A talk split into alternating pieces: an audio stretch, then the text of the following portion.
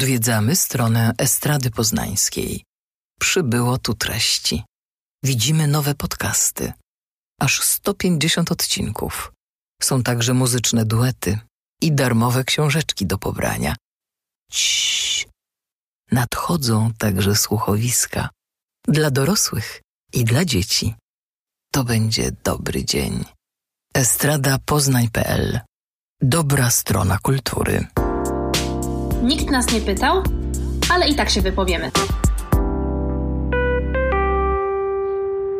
Dzień dobry, dzień dobry, drogie słuchaczki i drodzy słuchacze. To kolejny odcinek podcastu Nikt nas nie pytał, ale i tak się wypowiemy. To motto zostaje z nami w nowym roku i niech zostanie także z Wami. Zgodnie z zapowiedziami, że powrócą goście i że ten podcast y, będzie żywo dyskutował na tematy bardzo nas interesujące i trapiące, no to dzisiaj wyczekiwany przeze mnie bardzo temat, żeby go poruszyć właśnie w podcaście. Do tego nie mogłam zaprosić innej osoby niż mój wspaniały przyjaciel, ale też moja ulubiona drag performerka, czyli Piotr Buźko, aka twoja stara. Dzień dobry. Dzień dobry, cześć, bum dzieciaczki, hej, hej, miło być tutaj. No, od razu zapowiadasz temat i ja od razu daję wrzutkę, ja już miałem kancelować ten podcast. Kancelujesz? Dlaczego? Ja już, no bo co to było w ogóle, że bez zaproszeń od września?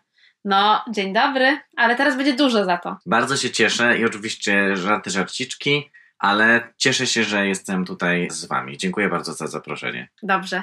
No i właśnie w ten oto piękny sposób skancelowałeś mnie i zapowiedziałeś, o czym dzisiaj rozmawiamy. Tak, postanowiłem być takim tutaj sneaky wężem i wyprzedzić po prostu Ciebie. Tak, dziękuję bardzo. Wąż w kieszeni właśnie wyszedł na światło dzienne. Backstabbing you behind your back. Thank you very much. No i tak bardzo zbackstabbingowana chciałabym zapowiedzieć, że do tego odcinka zabieraliśmy się właśnie od września.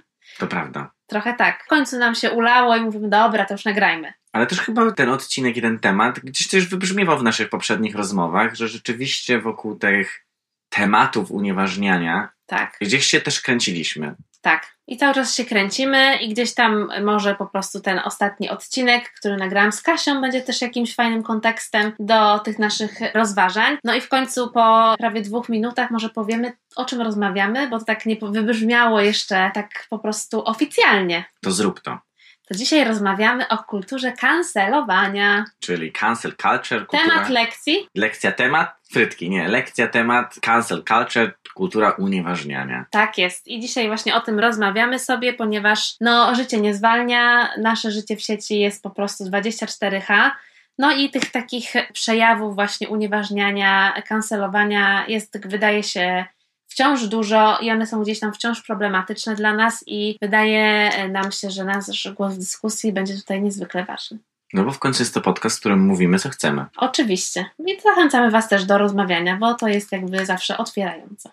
O, czyli mamy od razu tezę. Mamy tezę. Ale zanim przedstawimy wszystkie tezy na początku, to może jakiś porządek tej dyskusji. A porządek tej dyskusji jest taki, że może nie wszyscy wiedzą, co to jest cancel culture, o czym będziemy w ogóle rozmawiać, więc w ogóle też nawet jeżeli ktoś wie albo się domyśla, to może dla takiego porządku naszych rozważań warto powiedzieć, w jakich obszarach my myślimy o cancel culture, czym dla nas jest i gdzieś tam możemy też się pochwalić naszym researchem, bo jakiś tam robimy, zanim coś tutaj zdecydujemy nagrać, więc... Musicie nam już uwierzyć na słowo. Na słowo, że jakaś bibliografia jest, jako że my wyrastamy z tej kultury akademickiej. To prawda. Tak, którą unieważniliśmy na rzecz po prostu gadania trzy po trzy.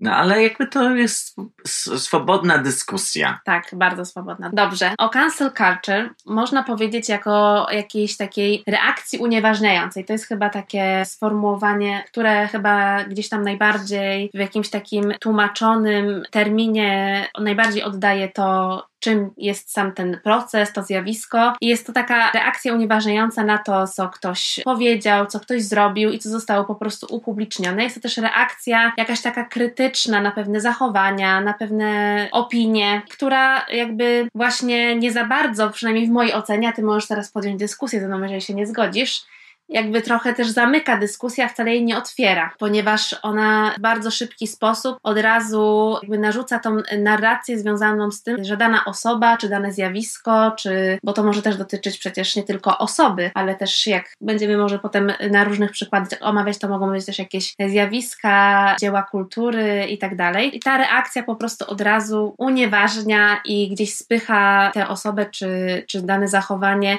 do tego, że ono powinno być po prostu nie nie istnieć, powinno po prostu zniknąć z powierzchni Ziemi i powinno zostać napiętnowane. Tak, myślę, że to jest ciekawy punkt wyjścia, bo my sobie tu dyskutujemy. Tak. I jest tak, że dyskutujemy w przyjemnym środowisku, w przyjemnych okolicznościach, gdzieś za nami chrapie MOPS, tak. mamy zrobiony research, gdzieś uaktualnialiśmy swoją bazę danych, swoją wiedzę na jakieś tematy więc. I przyglądamy się z boku. I przyglądamy się też z boku, ale też jakieś, jeżeli tematy nas jakoś żywo interesują, to rozmawiając sobie na ten temat, możemy się sprzeczać, ale raczej otwarcie podchodzimy do tego, co druga strona chce usłyszeć. Tak. I w odniesieniu do tego, co mówisz, rzeczywiście bywa tak, że cancel culture, nawet nie bywa, tylko jest po prostu tak, że cancel culture będzie kategoryczne i po prostu będzie zamykało dyskusję. Nie będzie po no właśnie, jakimś wyskoku, wybryku, albo też po prostu, nie wiem, wydarzeniu, że ktoś naprawdę w jakiś sposób myśli, nie będzie podejmowało żadnej dyskusji. Nie będzie chciało słuchać tej strony, którą należy unieważnić. Tak, która postąpiła na przykład według tej strony właśnie w, w jakiś sposób niewłaściwy, czy karygodny i tak dalej. Tak. No i to jest bardzo często chyba związane też z tym, że ja tu też mówię o tej wiedzy, że trochę uważamy, że wszyscy powinniśmy zaczynać i być jakby w tym samym poziomie, że mamy już 2021 rok, więc już wszyscy powinniśmy to wiedzieć. Tak, i wszyscy startujemy z tego samego pułapu. A tymczasem, no, dzień dobry. Dzień dobry. Różnorodność polega też na tym, że mamy bardzo różnorodny dostęp do wiedzy i chociaż on jest łatwy, tak jak rozmawialiśmy w poprzednich e, odcinkach, w poprzednich naszych dyskusjach, rozmawialiśmy o tym, że to jest możliwe i łatwe żeby aktualizować te bazy danych, że mamy do tego dostęp, to jednak ma, nasze doświadczenia po mhm. prostu mogą być takie, że nigdy nawet o tym nie pomyśleliśmy, że tę wiedzę mhm. możemy aktualizować, że trzeba ją aktualizować. Tak trzeba ją aktualizować, no ale to też jakby związane jest z takim wysiłkiem, który trzeba podjąć, żeby po prostu chcieć wiedzieć więcej i poszerzać swój punkt widzenia o te inne punkty widzenia i gdzieś tam wykazywać się zrozumieniem, no i czy po prostu wałkowaną tutaj na, we wszystkich odcinkach po prostu empatią. No bo to jest jakby klucz do chyba zdobywania wiedzy, przynajmniej tak mi się wydaje. My bardzo często śmiejemy się z naszej lewackiej bańki i mówimy, że trochę ją nakłuwamy, wychodzimy, pokazujemy jakieś słabsze punkty też w ogóle naszego myślenia, czy też takiego po prostu koła fortuny, w którym możemy się po prostu tutaj zamknąć i sobie pięknie kadzić w towarzystwie chrapiącego mopsa, ale też nie o to chodzi, no bo jakby to jest nudne, to nie jest rozwijające, no i po prostu tak chyba to po prostu nie wygląda, że świat jest opowiedziany z jednej perspektywy. No tak, jest wiele perspektyw, wiele spojrzeń. No i tutaj. I to się, to jest to tarcie. I tutaj właśnie wjeżdża cancel culture, które będzie, no po prostu unieważniało po raz kolejny padnie tu to słowo i myślę, że będzie padało tutaj to wielokrotnie, będzie unieważniało pewne punkty widzenia. Tak, właśnie ten kontekst y, cancel culture jest jakby, wydaje mi się, że warto o nim powiedzieć w takim dwojaki sposób, bo z jednej strony ważna jest ta jakby sceneria, wokół której odbywa się to kancelowanie. No bo to kancelowanie jest możliwe przez to, że Żyjemy właściwie zanurzeni przez całe nasze takie codzienne życie w internecie, w social mediach, w wiadomościach, które są redystrybuowane w bardzo określony sposób. Tak. Też ja ostatnio się spotkałem z takim określeniem media 24-godzinne, czyli tak. okazuje się, że żyjemy w takim świecie, gdzie nie ma ekranu kontrolnego, tego, który czeka, żeby obudziła się rybka, śpi, śpi i tak. ty na mini mini, tak. tylko po prostu jesteśmy cały czas w tym dostępie do informacji. Tak.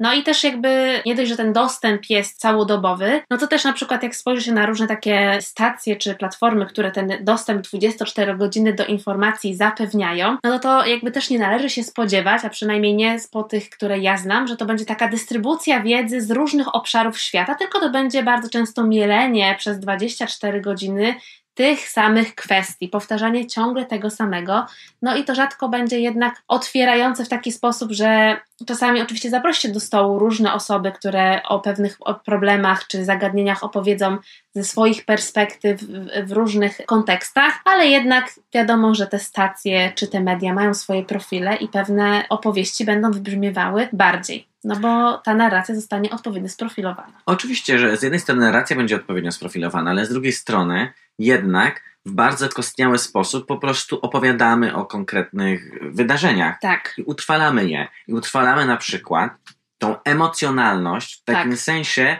że tym kolejnym narzędziem jest po prostu emocje, korzystanie z emocji i to już naprawdę jest sprawdzone, że ten content, który wzbudza nasze emocje, najczęściej negatywne emocje, czyli na przykład fake newsy, które nas bardzo zapalają, chociażby tak. dlatego, że wiemy, że on jest fake newsem, to jesteśmy gotowi i gotowe przekazywać go dalej i takie informacje przenoszą się szybciej. Tak. Więc wszystko, co rozpala nas do czerwoności, co sprawia, że płat że, czołowy płonie. Tak, że chcemy dyskutować, że chcemy się okopać w naszych tutaj flankach i zaciekle bronić swojego zdania, mhm. sprawia, że te media 24-godzinne żyją, bo my żyjemy właśnie w taki sposób, dając temu wszystkiemu paliwo. Tak.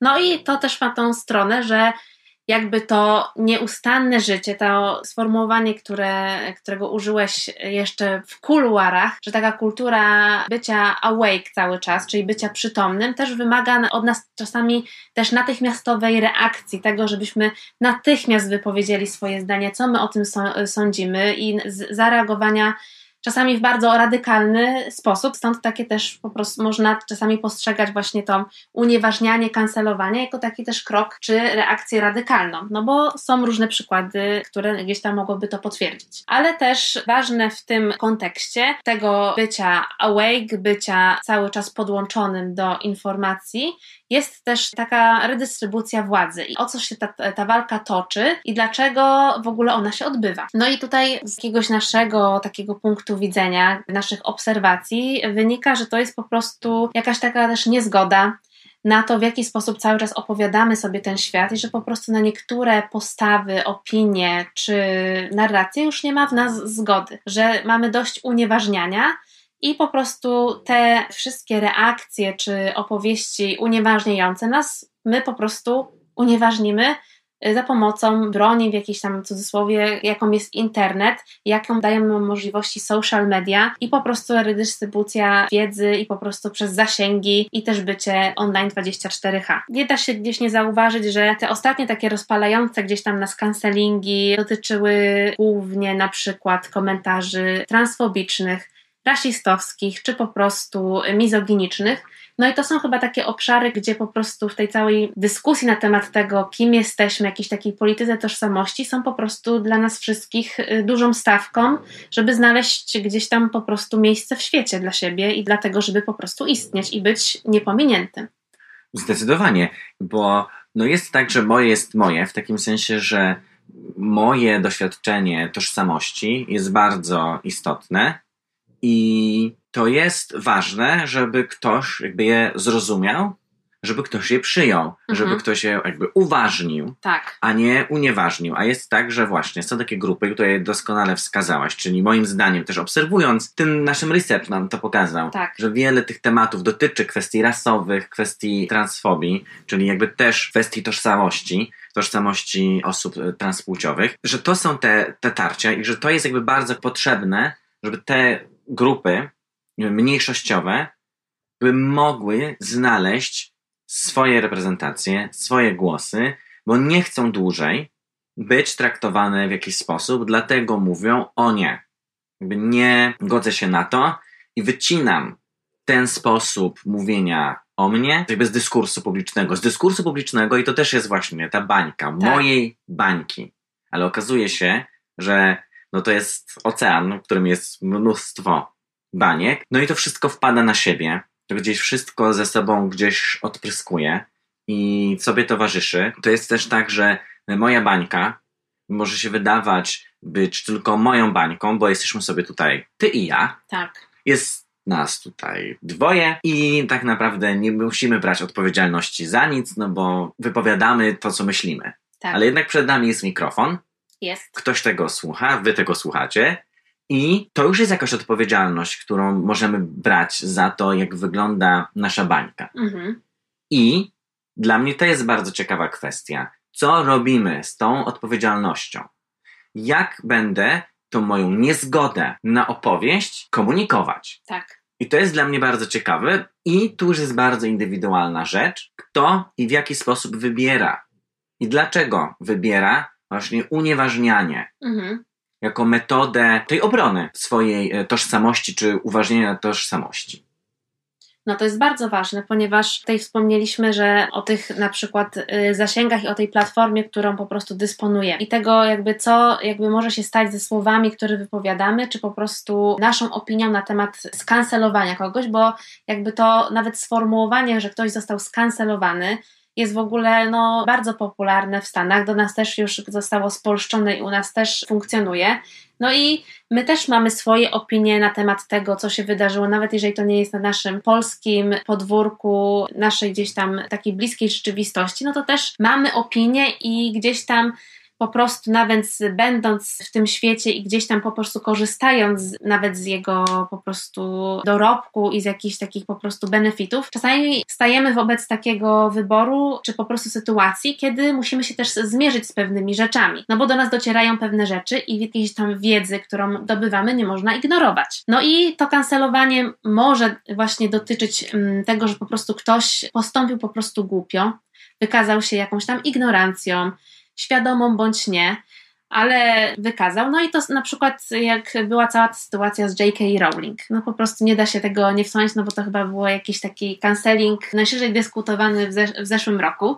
Tak, tak, tak. I o samej też o tym mówiliśmy. Tak, gdzieś tam wspominaliśmy o tym. No i tutaj mamy z- z jednej strony po prostu, ja mam jakieś takie po prostu doświadczenie swoje jakby w reakcji do tego, no bo z jednej strony jest tak, że myślisz sobie, no dobra, J.K. Rowling po prostu głupio powiedziała i najlepiej co, co mogłaby zrobić, to po prostu przeprosić, jako że jest gdzieś tam osobą publiczną, która jest no, zdecydowaną beneficjentką po prostu kultury, w której żyje, sukcesu, który odniosła i cały czas odnosi. No i po prostu ma jakąś odpowiedzialność za to, jakby co mówi i w jaki sposób mówi. Miliony na Twitterze. Tak, jako że ja również w swoim uprzywilejowaniu trochę pływam, jako że mam doświadczenie bycia dyskryminacji jako kobieta, no to jednak jestem białą kobietą, która jest wykształcona i może z różnych przywilejów korzysta, czy niekoniecznie chce je oddać. No i ja po prostu mogę sobie powiedzieć, dobra, głupio powiedziała w ogóle, who cares, ja w ogóle do porządku dziennego, ja nie, ja nie mam takiej potrzeby kancelowania, ponieważ mnie bezpośrednio ten komentarz nie dotyczył. Ale jak sobie nagle spojrzysz z drugiej strony, że rzeczywiście on mnie nie dotyczył, ale jest jakby takim na maksa po prostu nonszalanckim powiedzeniem komuś, ko- kogo dotyczy to doświadczenie, czyli osób transgenderowych, które są po prostu notorycznie ofiarami transfobii, misgenderowania, po prostu unieważniania, no to sobie myślisz, jak usiądziesz trochę albo nawet wyobrazisz sobie, że siedzisz jednak na tym krześle z tą osobą, to sobie myślisz, halo, halo, to jest wielce nie w porządku. No ale teraz to jest zadanie dla nas, z którym musimy się zmierzyć z perspektywy tego, że mamy ten konflikt gdzieś tam już w oddali, że on się już tam odbył i może mało kto o nim pamięta, a może po prostu teraz jak sobie myślisz J.K. Rowling, to mówisz sobie transfobka i do widzenia. Jakby co z tym zrobić? Czy to jest tak, że skancelować J.K. Rowling i w ogóle powiedzieć, że w ogóle Harry Potter to w ogóle J.K. Rowling go nie napisała i po prostu totalnie oddzielnie to traktować i w ogóle jakby gdzieś to odseparować, bo to jest jednak książka, która mnie osobiście zachęciła w ogóle do czytania i sprawiła, że ja zaczęłam czytać książki i po prostu przeżyłam z nią no, niesamowite momenty. Ding, ding, ding, ja mówię to samo. No. I sobie myślę, no, że jakby ja, y, mimo tego, że uważam, że no po prostu to jest, to co ona zrobiła jest po prostu głupie, nieprzemyślane, że najlepsze co mogłaby zrobić to po prostu przeprosić i powiedzieć, że powinnam się bardziej doedukować. I wtedy byśmy powiedzieli, że że fajnie, że jakby przyznała się do błędu i że rzeczywiście można, no ale ona tego nie zrobiła. No i oczywiście nie ma odpowiedzi, ja, na, ja wciąż nie wiem, co z tym zrobić, no i pewnie jakby po prostu jedyne, co możemy zrobić, to stać ten kij w mrowisko i się zastanawiać. Dla mnie to jest bardzo ważne właśnie, żeby rozmawiać. I nawet jeżeli ten canceling gdzieś na, się wydarzył, to dobrze jest się przyglądać i zobaczyć i zastanawiać się, czy no może to jest jakaś taka okrągła metafora, czy, ale spojrzeć, czy patrzymy na palec, czy na to, co na co wskazuje. Tak, Że to jest czegoś odprysk. Tak. I żeby się zastanawiać, że to, to o czym powiedziałaś, że to na przykład jest doświadczenie, że po prostu, jeżeli w tym anulowaniu J.K. Rowling pojawia się refleksja na temat tego, jak traktujemy osoby transpłciowe, to dla mnie to jest jakiś pozytywny wyraz tego, bo rzeczywiście zostajemy przy tym temacie, który należy nam się przepracować. Dokładnie. J.K. Rowling sobie poradzi z nami czy bez nas. Tak. Byłoby super. Z takiego doświadczenia mojej też sympatii do niej jako do autorki, gdyby rzeczywiście po prostu wiedziała lepiej. Zachowała się lepiej. Nie zrobiła tego.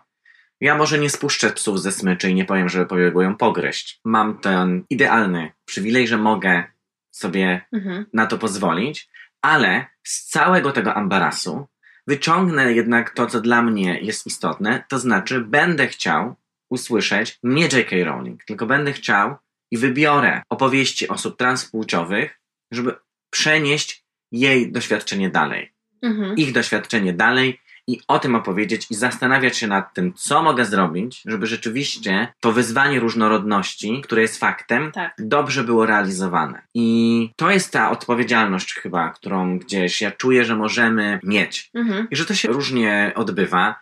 I że pewnie nie jestem fanem mówienia tego, że J.K. Rowling nie napisała Harry'ego Pottera, ale jest też dobrze po prostu wiedzieć więcej i mieć jakąś taką potem krytyczną uwagę.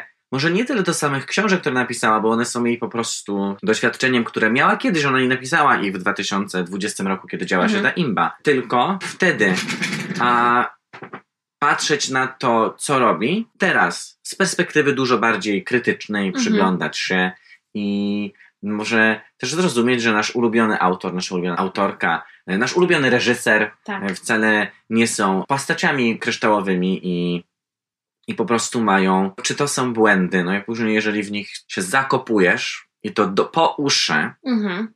rozkopujesz to, w czym siedzisz, no to trudno jest to nazwać błędem i obronić to jako błąd, ale myślę, że naprawdę ktoś może postępować myśląc, że, że jakby oca- ocalając siebie Mhm. Robi dobrze, a sama masz super przykład, jak można zareagować na, no właśnie, jakąś próbę kancelowania czy canceling, który, z którego wychodzisz obronną ręką. Tak. Ja właśnie ostatnio byłam super zdziwiona i zaskoczona mega pozytywnie taką sytuacją, której przeczytałam na profilu Cielesny na Instagramie. Bardzo polecam, żeby sobie obserwować, bo tam dużo wartościowego kontentu, poszerzającego horyzonty, pozwalającego na zadawanie sobie bardzo fajnych pytań, więc tam odsyłam po dużo dobrej wiedzy, ale była taka sytuacja, że Małgorzata Rozenek i Radek Majdan powstała taka sesja zdjęciowa Małgorzaty Rozenek, która nawiązywała do tatuażu, który jej mąż y, ma, czyli kobiety w pióropuszu. Została ona gdzieś tam wrzucona na social mediach czy gdzieś tam, no i po prostu odezwały się jakieś takie głosy krytykujące całe to przedsięwzięcie, że to jest zawłaszczanie kultury i że w ogóle jest to bezmyślne i głupie z ich strony, że w ogóle wykorzystują y, symbole kultury, o której nic nie wiedzą, która nie jest ich, no i że w ogóle to nie jest fajne. Powstał taki bardzo fajny artykuł na ten temat. No i co się wydarzyło w tym wszystkim i co w ogóle zostało świetnie ograne, uważam, jest to, że właśnie para celebrytów, Małgorzata Rozenek i Rafał Majdan, którzy kojarzą się gdzieś tam z obciachem, z memem, przez to w jaki sposób gdzieś tam prowadzą narrację o swoim życiu publicznym albo jaka narracja została gdzieś tam o nich opowiedziana. Ale ta narracja też wpływa na to, że są bardzo rozpoznawalni Tak. i mają ogromną platformę. Tak, mają ogromną platformę. No i coś, czego nie zrobiła niestety Anna Lewandowska w, w słynnym case'ie z Mają Staśko, Ani J.K. Rowling, ani J.K. Rowling, no to po prostu oni nagrali na swoich social mediach nagranie, w którym powiedzieli: Przepraszam, rzeczywiście postąpiliśmy niefajnie. Było to bezmyślne. Przeczytaliśmy bardzo fajny artykuł, który wskazuje jakby nasze błędy i problematyzuje całą tę sytuację zawłaszczenia kulturowego. I rzeczywiście teraz jakby z tą wiedzą i z tym, że jesteśmy osobami, które gdzieś tam podróżują, poszerzają swoje horyzonty i gdzieś tam stale się próbują dokształcać, wiemy lepiej i uważamy, że to nie było fajne i wszystkie osoby, które poczuły się urażone, po prostu za to przepraszamy. Dość tego podlinkowali ten artykuł, który gdzieś tam ich krytykuje i mówią, że koniecznie przeczytajcie, że w ogóle bardzo fajne problematyzowanie sprawy i że w ogóle my po prostu przepraszamy. I można powiedzieć przepraszam? Tak. Kropka. I to wydaje mi się, że. I sprawiasz, że od razu para celebrytów, która kojarzy gdzieś, gdzieś tam obciachem i z tym sformułowaniem nie mów do mnie teraz, okazuje się, że to są po prostu ludzie, którzy po prostu mogą postąpić w sposób według nas głupi, nieprzemyślany i oni potrafią zrobić w ogóle najprostszą rzecz, ale jak się okazuje najtrudniejszą, powiedzieć przepraszam. Tak. I jeszcze wziąć jakąś odpowiedzialność za to, w takim sensie, bo jedna sprawa to jest powiedzieć przepraszam, a druga jakby zrozumieć. Tak. I no jeżeli udostępniają i, i sami przenoszą dalej jakby informacje na ten tak. temat, to to myślę, że jest dla mnie jakaś odrobiona lekcja. Oczywiście to jest łatwo mówić o takich sytuacjach, bo jest moim zdaniem bo trudno jest też jakby ważyć, bo są pewne, pewne wydarzenia, które są, mają pewnie cięższą wagę, tak. które są na przykład przestępstwami, tak. więc to jest też tak, że, że wtedy ten temat jakby cancelingu jest zupełnie inny. Ale bardzo dużo, moim zdaniem też tego anulowania, tego kancelowania jest po prostu związane z tym, że ludzie, bardzo często ludzie, w którym ufamy, albo w których wierzymy, albo którzy po prostu uważamy, że powinni wiedzieć lepiej, co już też gdzieś tutaj padło, mhm. nas zawodzą, albo postępują inaczej niż my chcielibyśmy, że mogą postąpić, albo że powinni postąpić, to są takie sytuacje, które moim zdaniem właśnie są nie tyle co do, do, do obronienia, tylko warto jest właśnie wtedy jakby rozmawiać, dyskutować, no ale nie na ten temat, który oni jakby podjęli, tak. Tylko po prostu jakby, jakby się zastanawiać. Z czym my zostajemy w tej sytuacji? Tak. Jakby który, jaki problem został poruszony i dlaczego to jest problematyczne i tym się zająć, a nie wieszaniem psów na tej J.K. Rowling. Bo to jest już potem personalne ale jakby sam ten problem osób transgenderowych zostaje po prostu potem gdzieś tam zepchnięty i nikt to jakby o tym się nie rozmawia, mam wrażenie. Tak, tak, tak. I myślę, że to jest bardzo ważne, że i też ta cancel culture potem ma takie odpryski. Tutaj bardzo ciekawe mogę, mogę wyrzucić, jeżeli będziesz chciała podlinkować. A daj. To, to jest bardzo e, ciekawy Taki, to jest długi film i polecam wam bardzo. Na, na YouTubie jest taka transpłciowa youtuberka, mhm. Mm, ContraPoints. I ona nagrała o właśnie cancel culture, o cancelingu. Nagrała jeden odcinek i ona opowiada o swoim doświadczeniu, jakie ją spotkało. I ona sama jest kobietą transpłciową i sama na transpłciowym Twitterze, bo tak też jest, że kiedy chodzimy w jakieś konkretne media społecznościowe, to bardzo często wchodzimy w te media społecznościowe, które już w ogóle się pod nas modelują i ustawiają. Więc jesteśmy na LGBT-owskim Twitterze, mamy swojego feministycznego Instagrama i jakby w tym się zamykamy. No i właśnie ContraPoints opowiada o swojej kancelacji, która była związana z tym, że zaprosiła do jednego ze swoich filmów, dlatego że ona jest youtuberką i robi bardzo takie długie, dobrze, z, du z dużym researchem, projekty filmowe, mhm. takie edukacyjne, gdzie prześwietla kulturę w takim pomyśle sprawiedliwości społecznej i opowiada o tym wszystkim, co też mhm. tutaj w tym, o czym tutaj w podcaście opowiadasz ty, twoi goście, gościnie, o czym z Kasią mówicie. Mhm.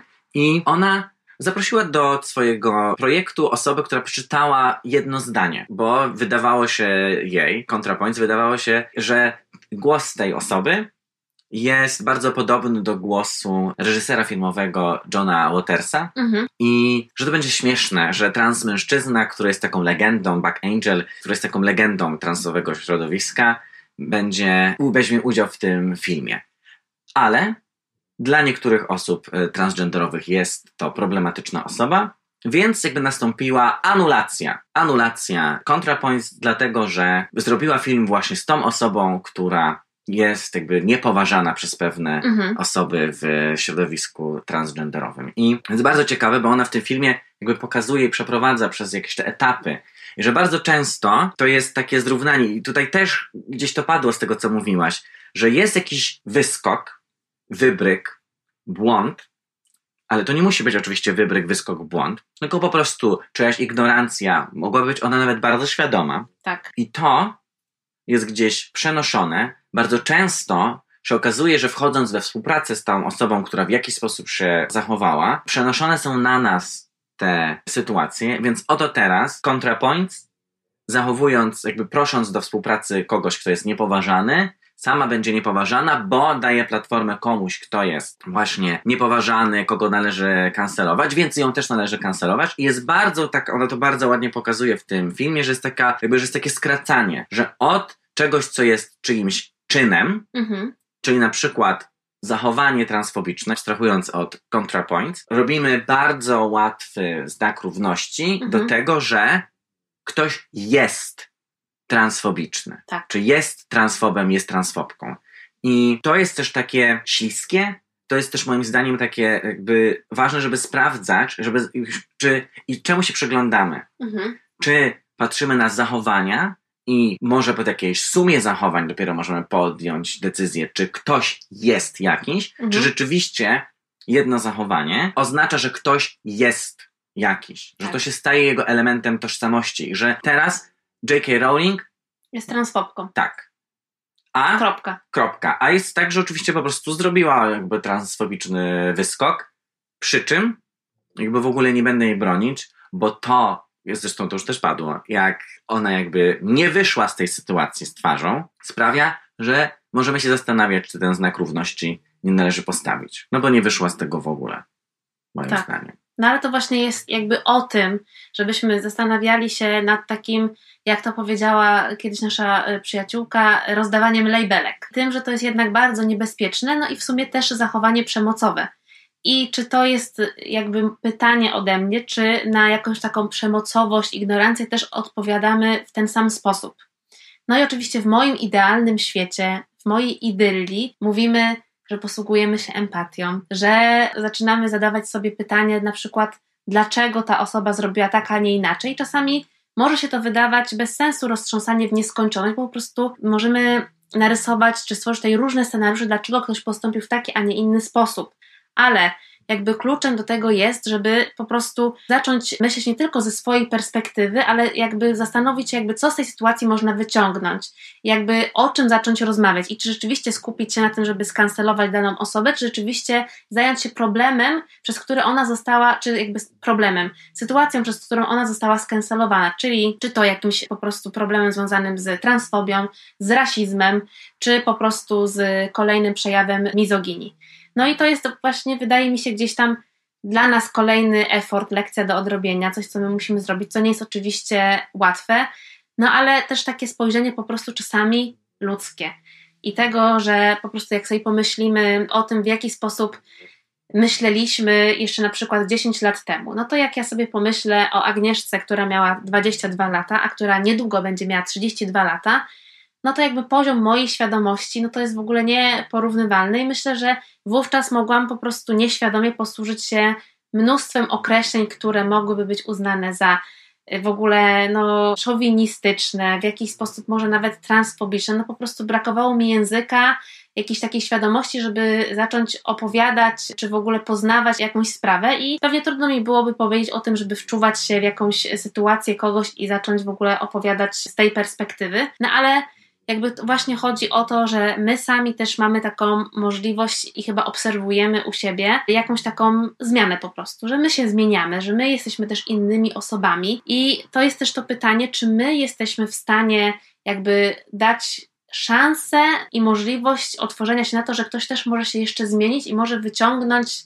lekcje z tego, co się na przykład odbyło. Tak, ja, ja się śmieję, bo ty się cofasz 10 lat wstecz, a ja o tym mówię, jak głupi jeszcze byłem wczoraj. Tak. I że ta gdzieś lekcja przychodzi za każdym razem i one są bardzo różne i one mogą być pewnie dość bolesne. Ja jednak lubię i też przez to, że działam w stowarzyszeniu, które mnie nauczyło i to jest coś takiego, co Kultura równości. Tak, Proszę stowarzysz- obserwować i wspierać. bardzo zachęcam i dziękuję, jeżeli to robicie i dziękuję, jeżeli to zrobicie.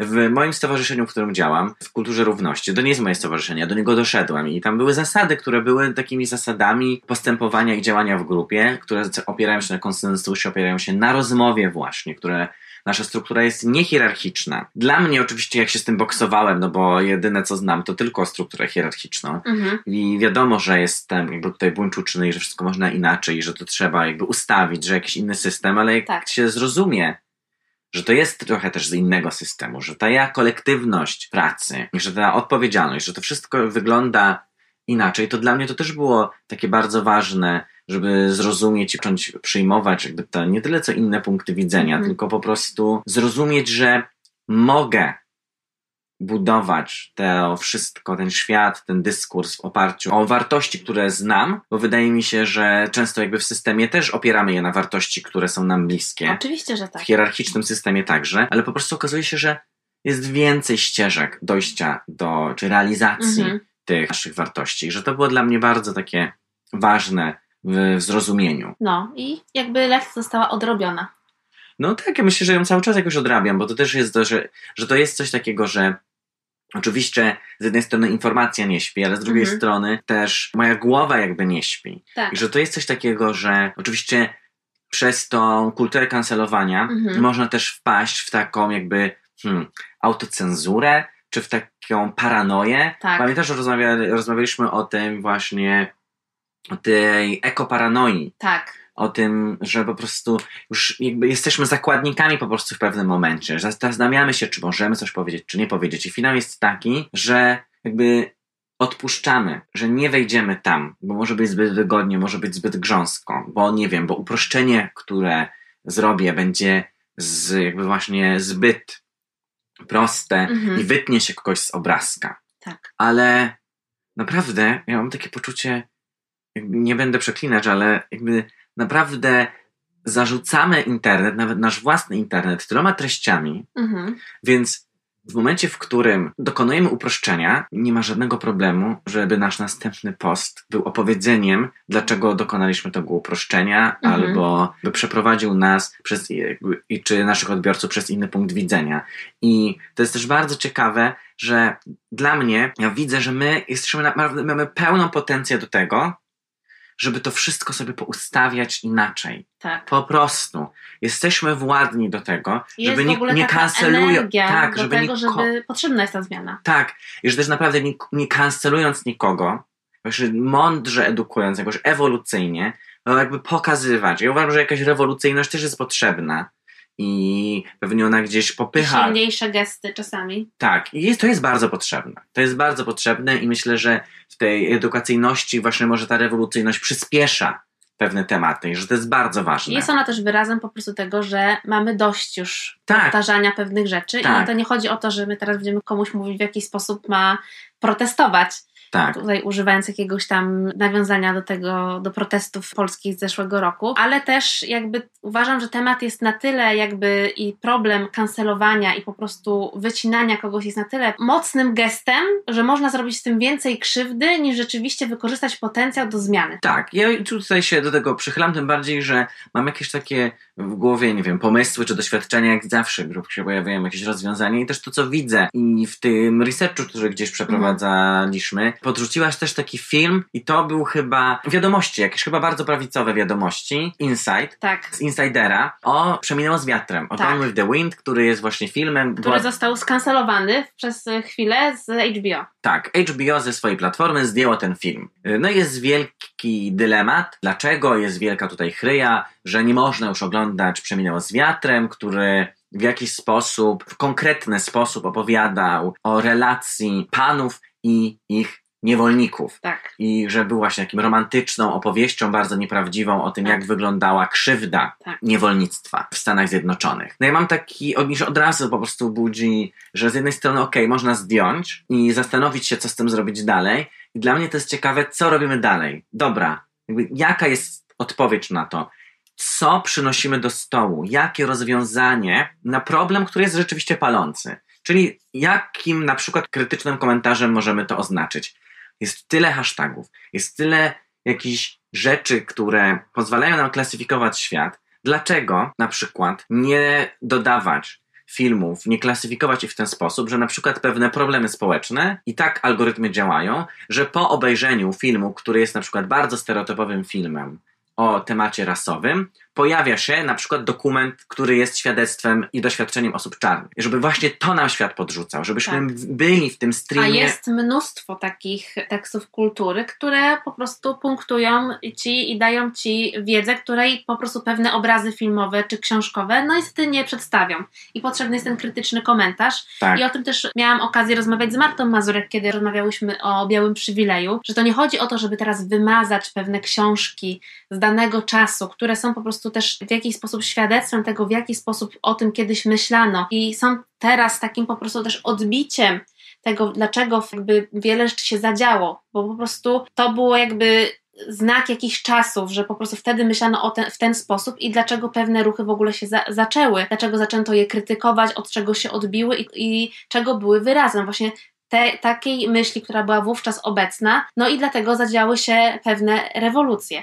Więc wydawanie takich książek, czy puszczanie takich filmów z jakimś po prostu, czasami nawet, to nie musi być długi komentarz, no ale jest mnóstwo komentatorów, literaturoznawców, filmoznawców, filmoznawczyń i literaturoznawczyń, które po prostu mając dane doświadczenie, mogą o tym opowiedzieć. I to jest jakby też przy tym kolejny jakiś taki gest dawania właśnie platformy i miejsca na opowiedzenie o danym doświadczeniu przez osoby, które rzeczywiście mają to doświadczenie i których to dotyka, a które w ogóle na przykład w danym dziele filmowym, czy literackim, czy jakimkolwiek innym, czy w obrazie w ogóle są z niego, albo ich tam po prostu nie ma, albo jest opowiedziane to w taki krzywy sposób. Tak, ja mam taki przykład, który moim zdaniem dla mnie był no właśnie dość jakiś rewolucyjny, czyli ewolucyjny i pokazał mi doskonale, jak można pracować z takimi tematami. Byłem kiedyś w Dreźnie Mhm, i w Dreźnie jest Muzeum Higieny, mhm, które y, powstało i było w latach nazistowskich. Y, Niemiec, było bardzo ważną taką instytucją, która jakby bardzo mocno wspierała mhm, ten bardzo jednak obrzydliwy reżim.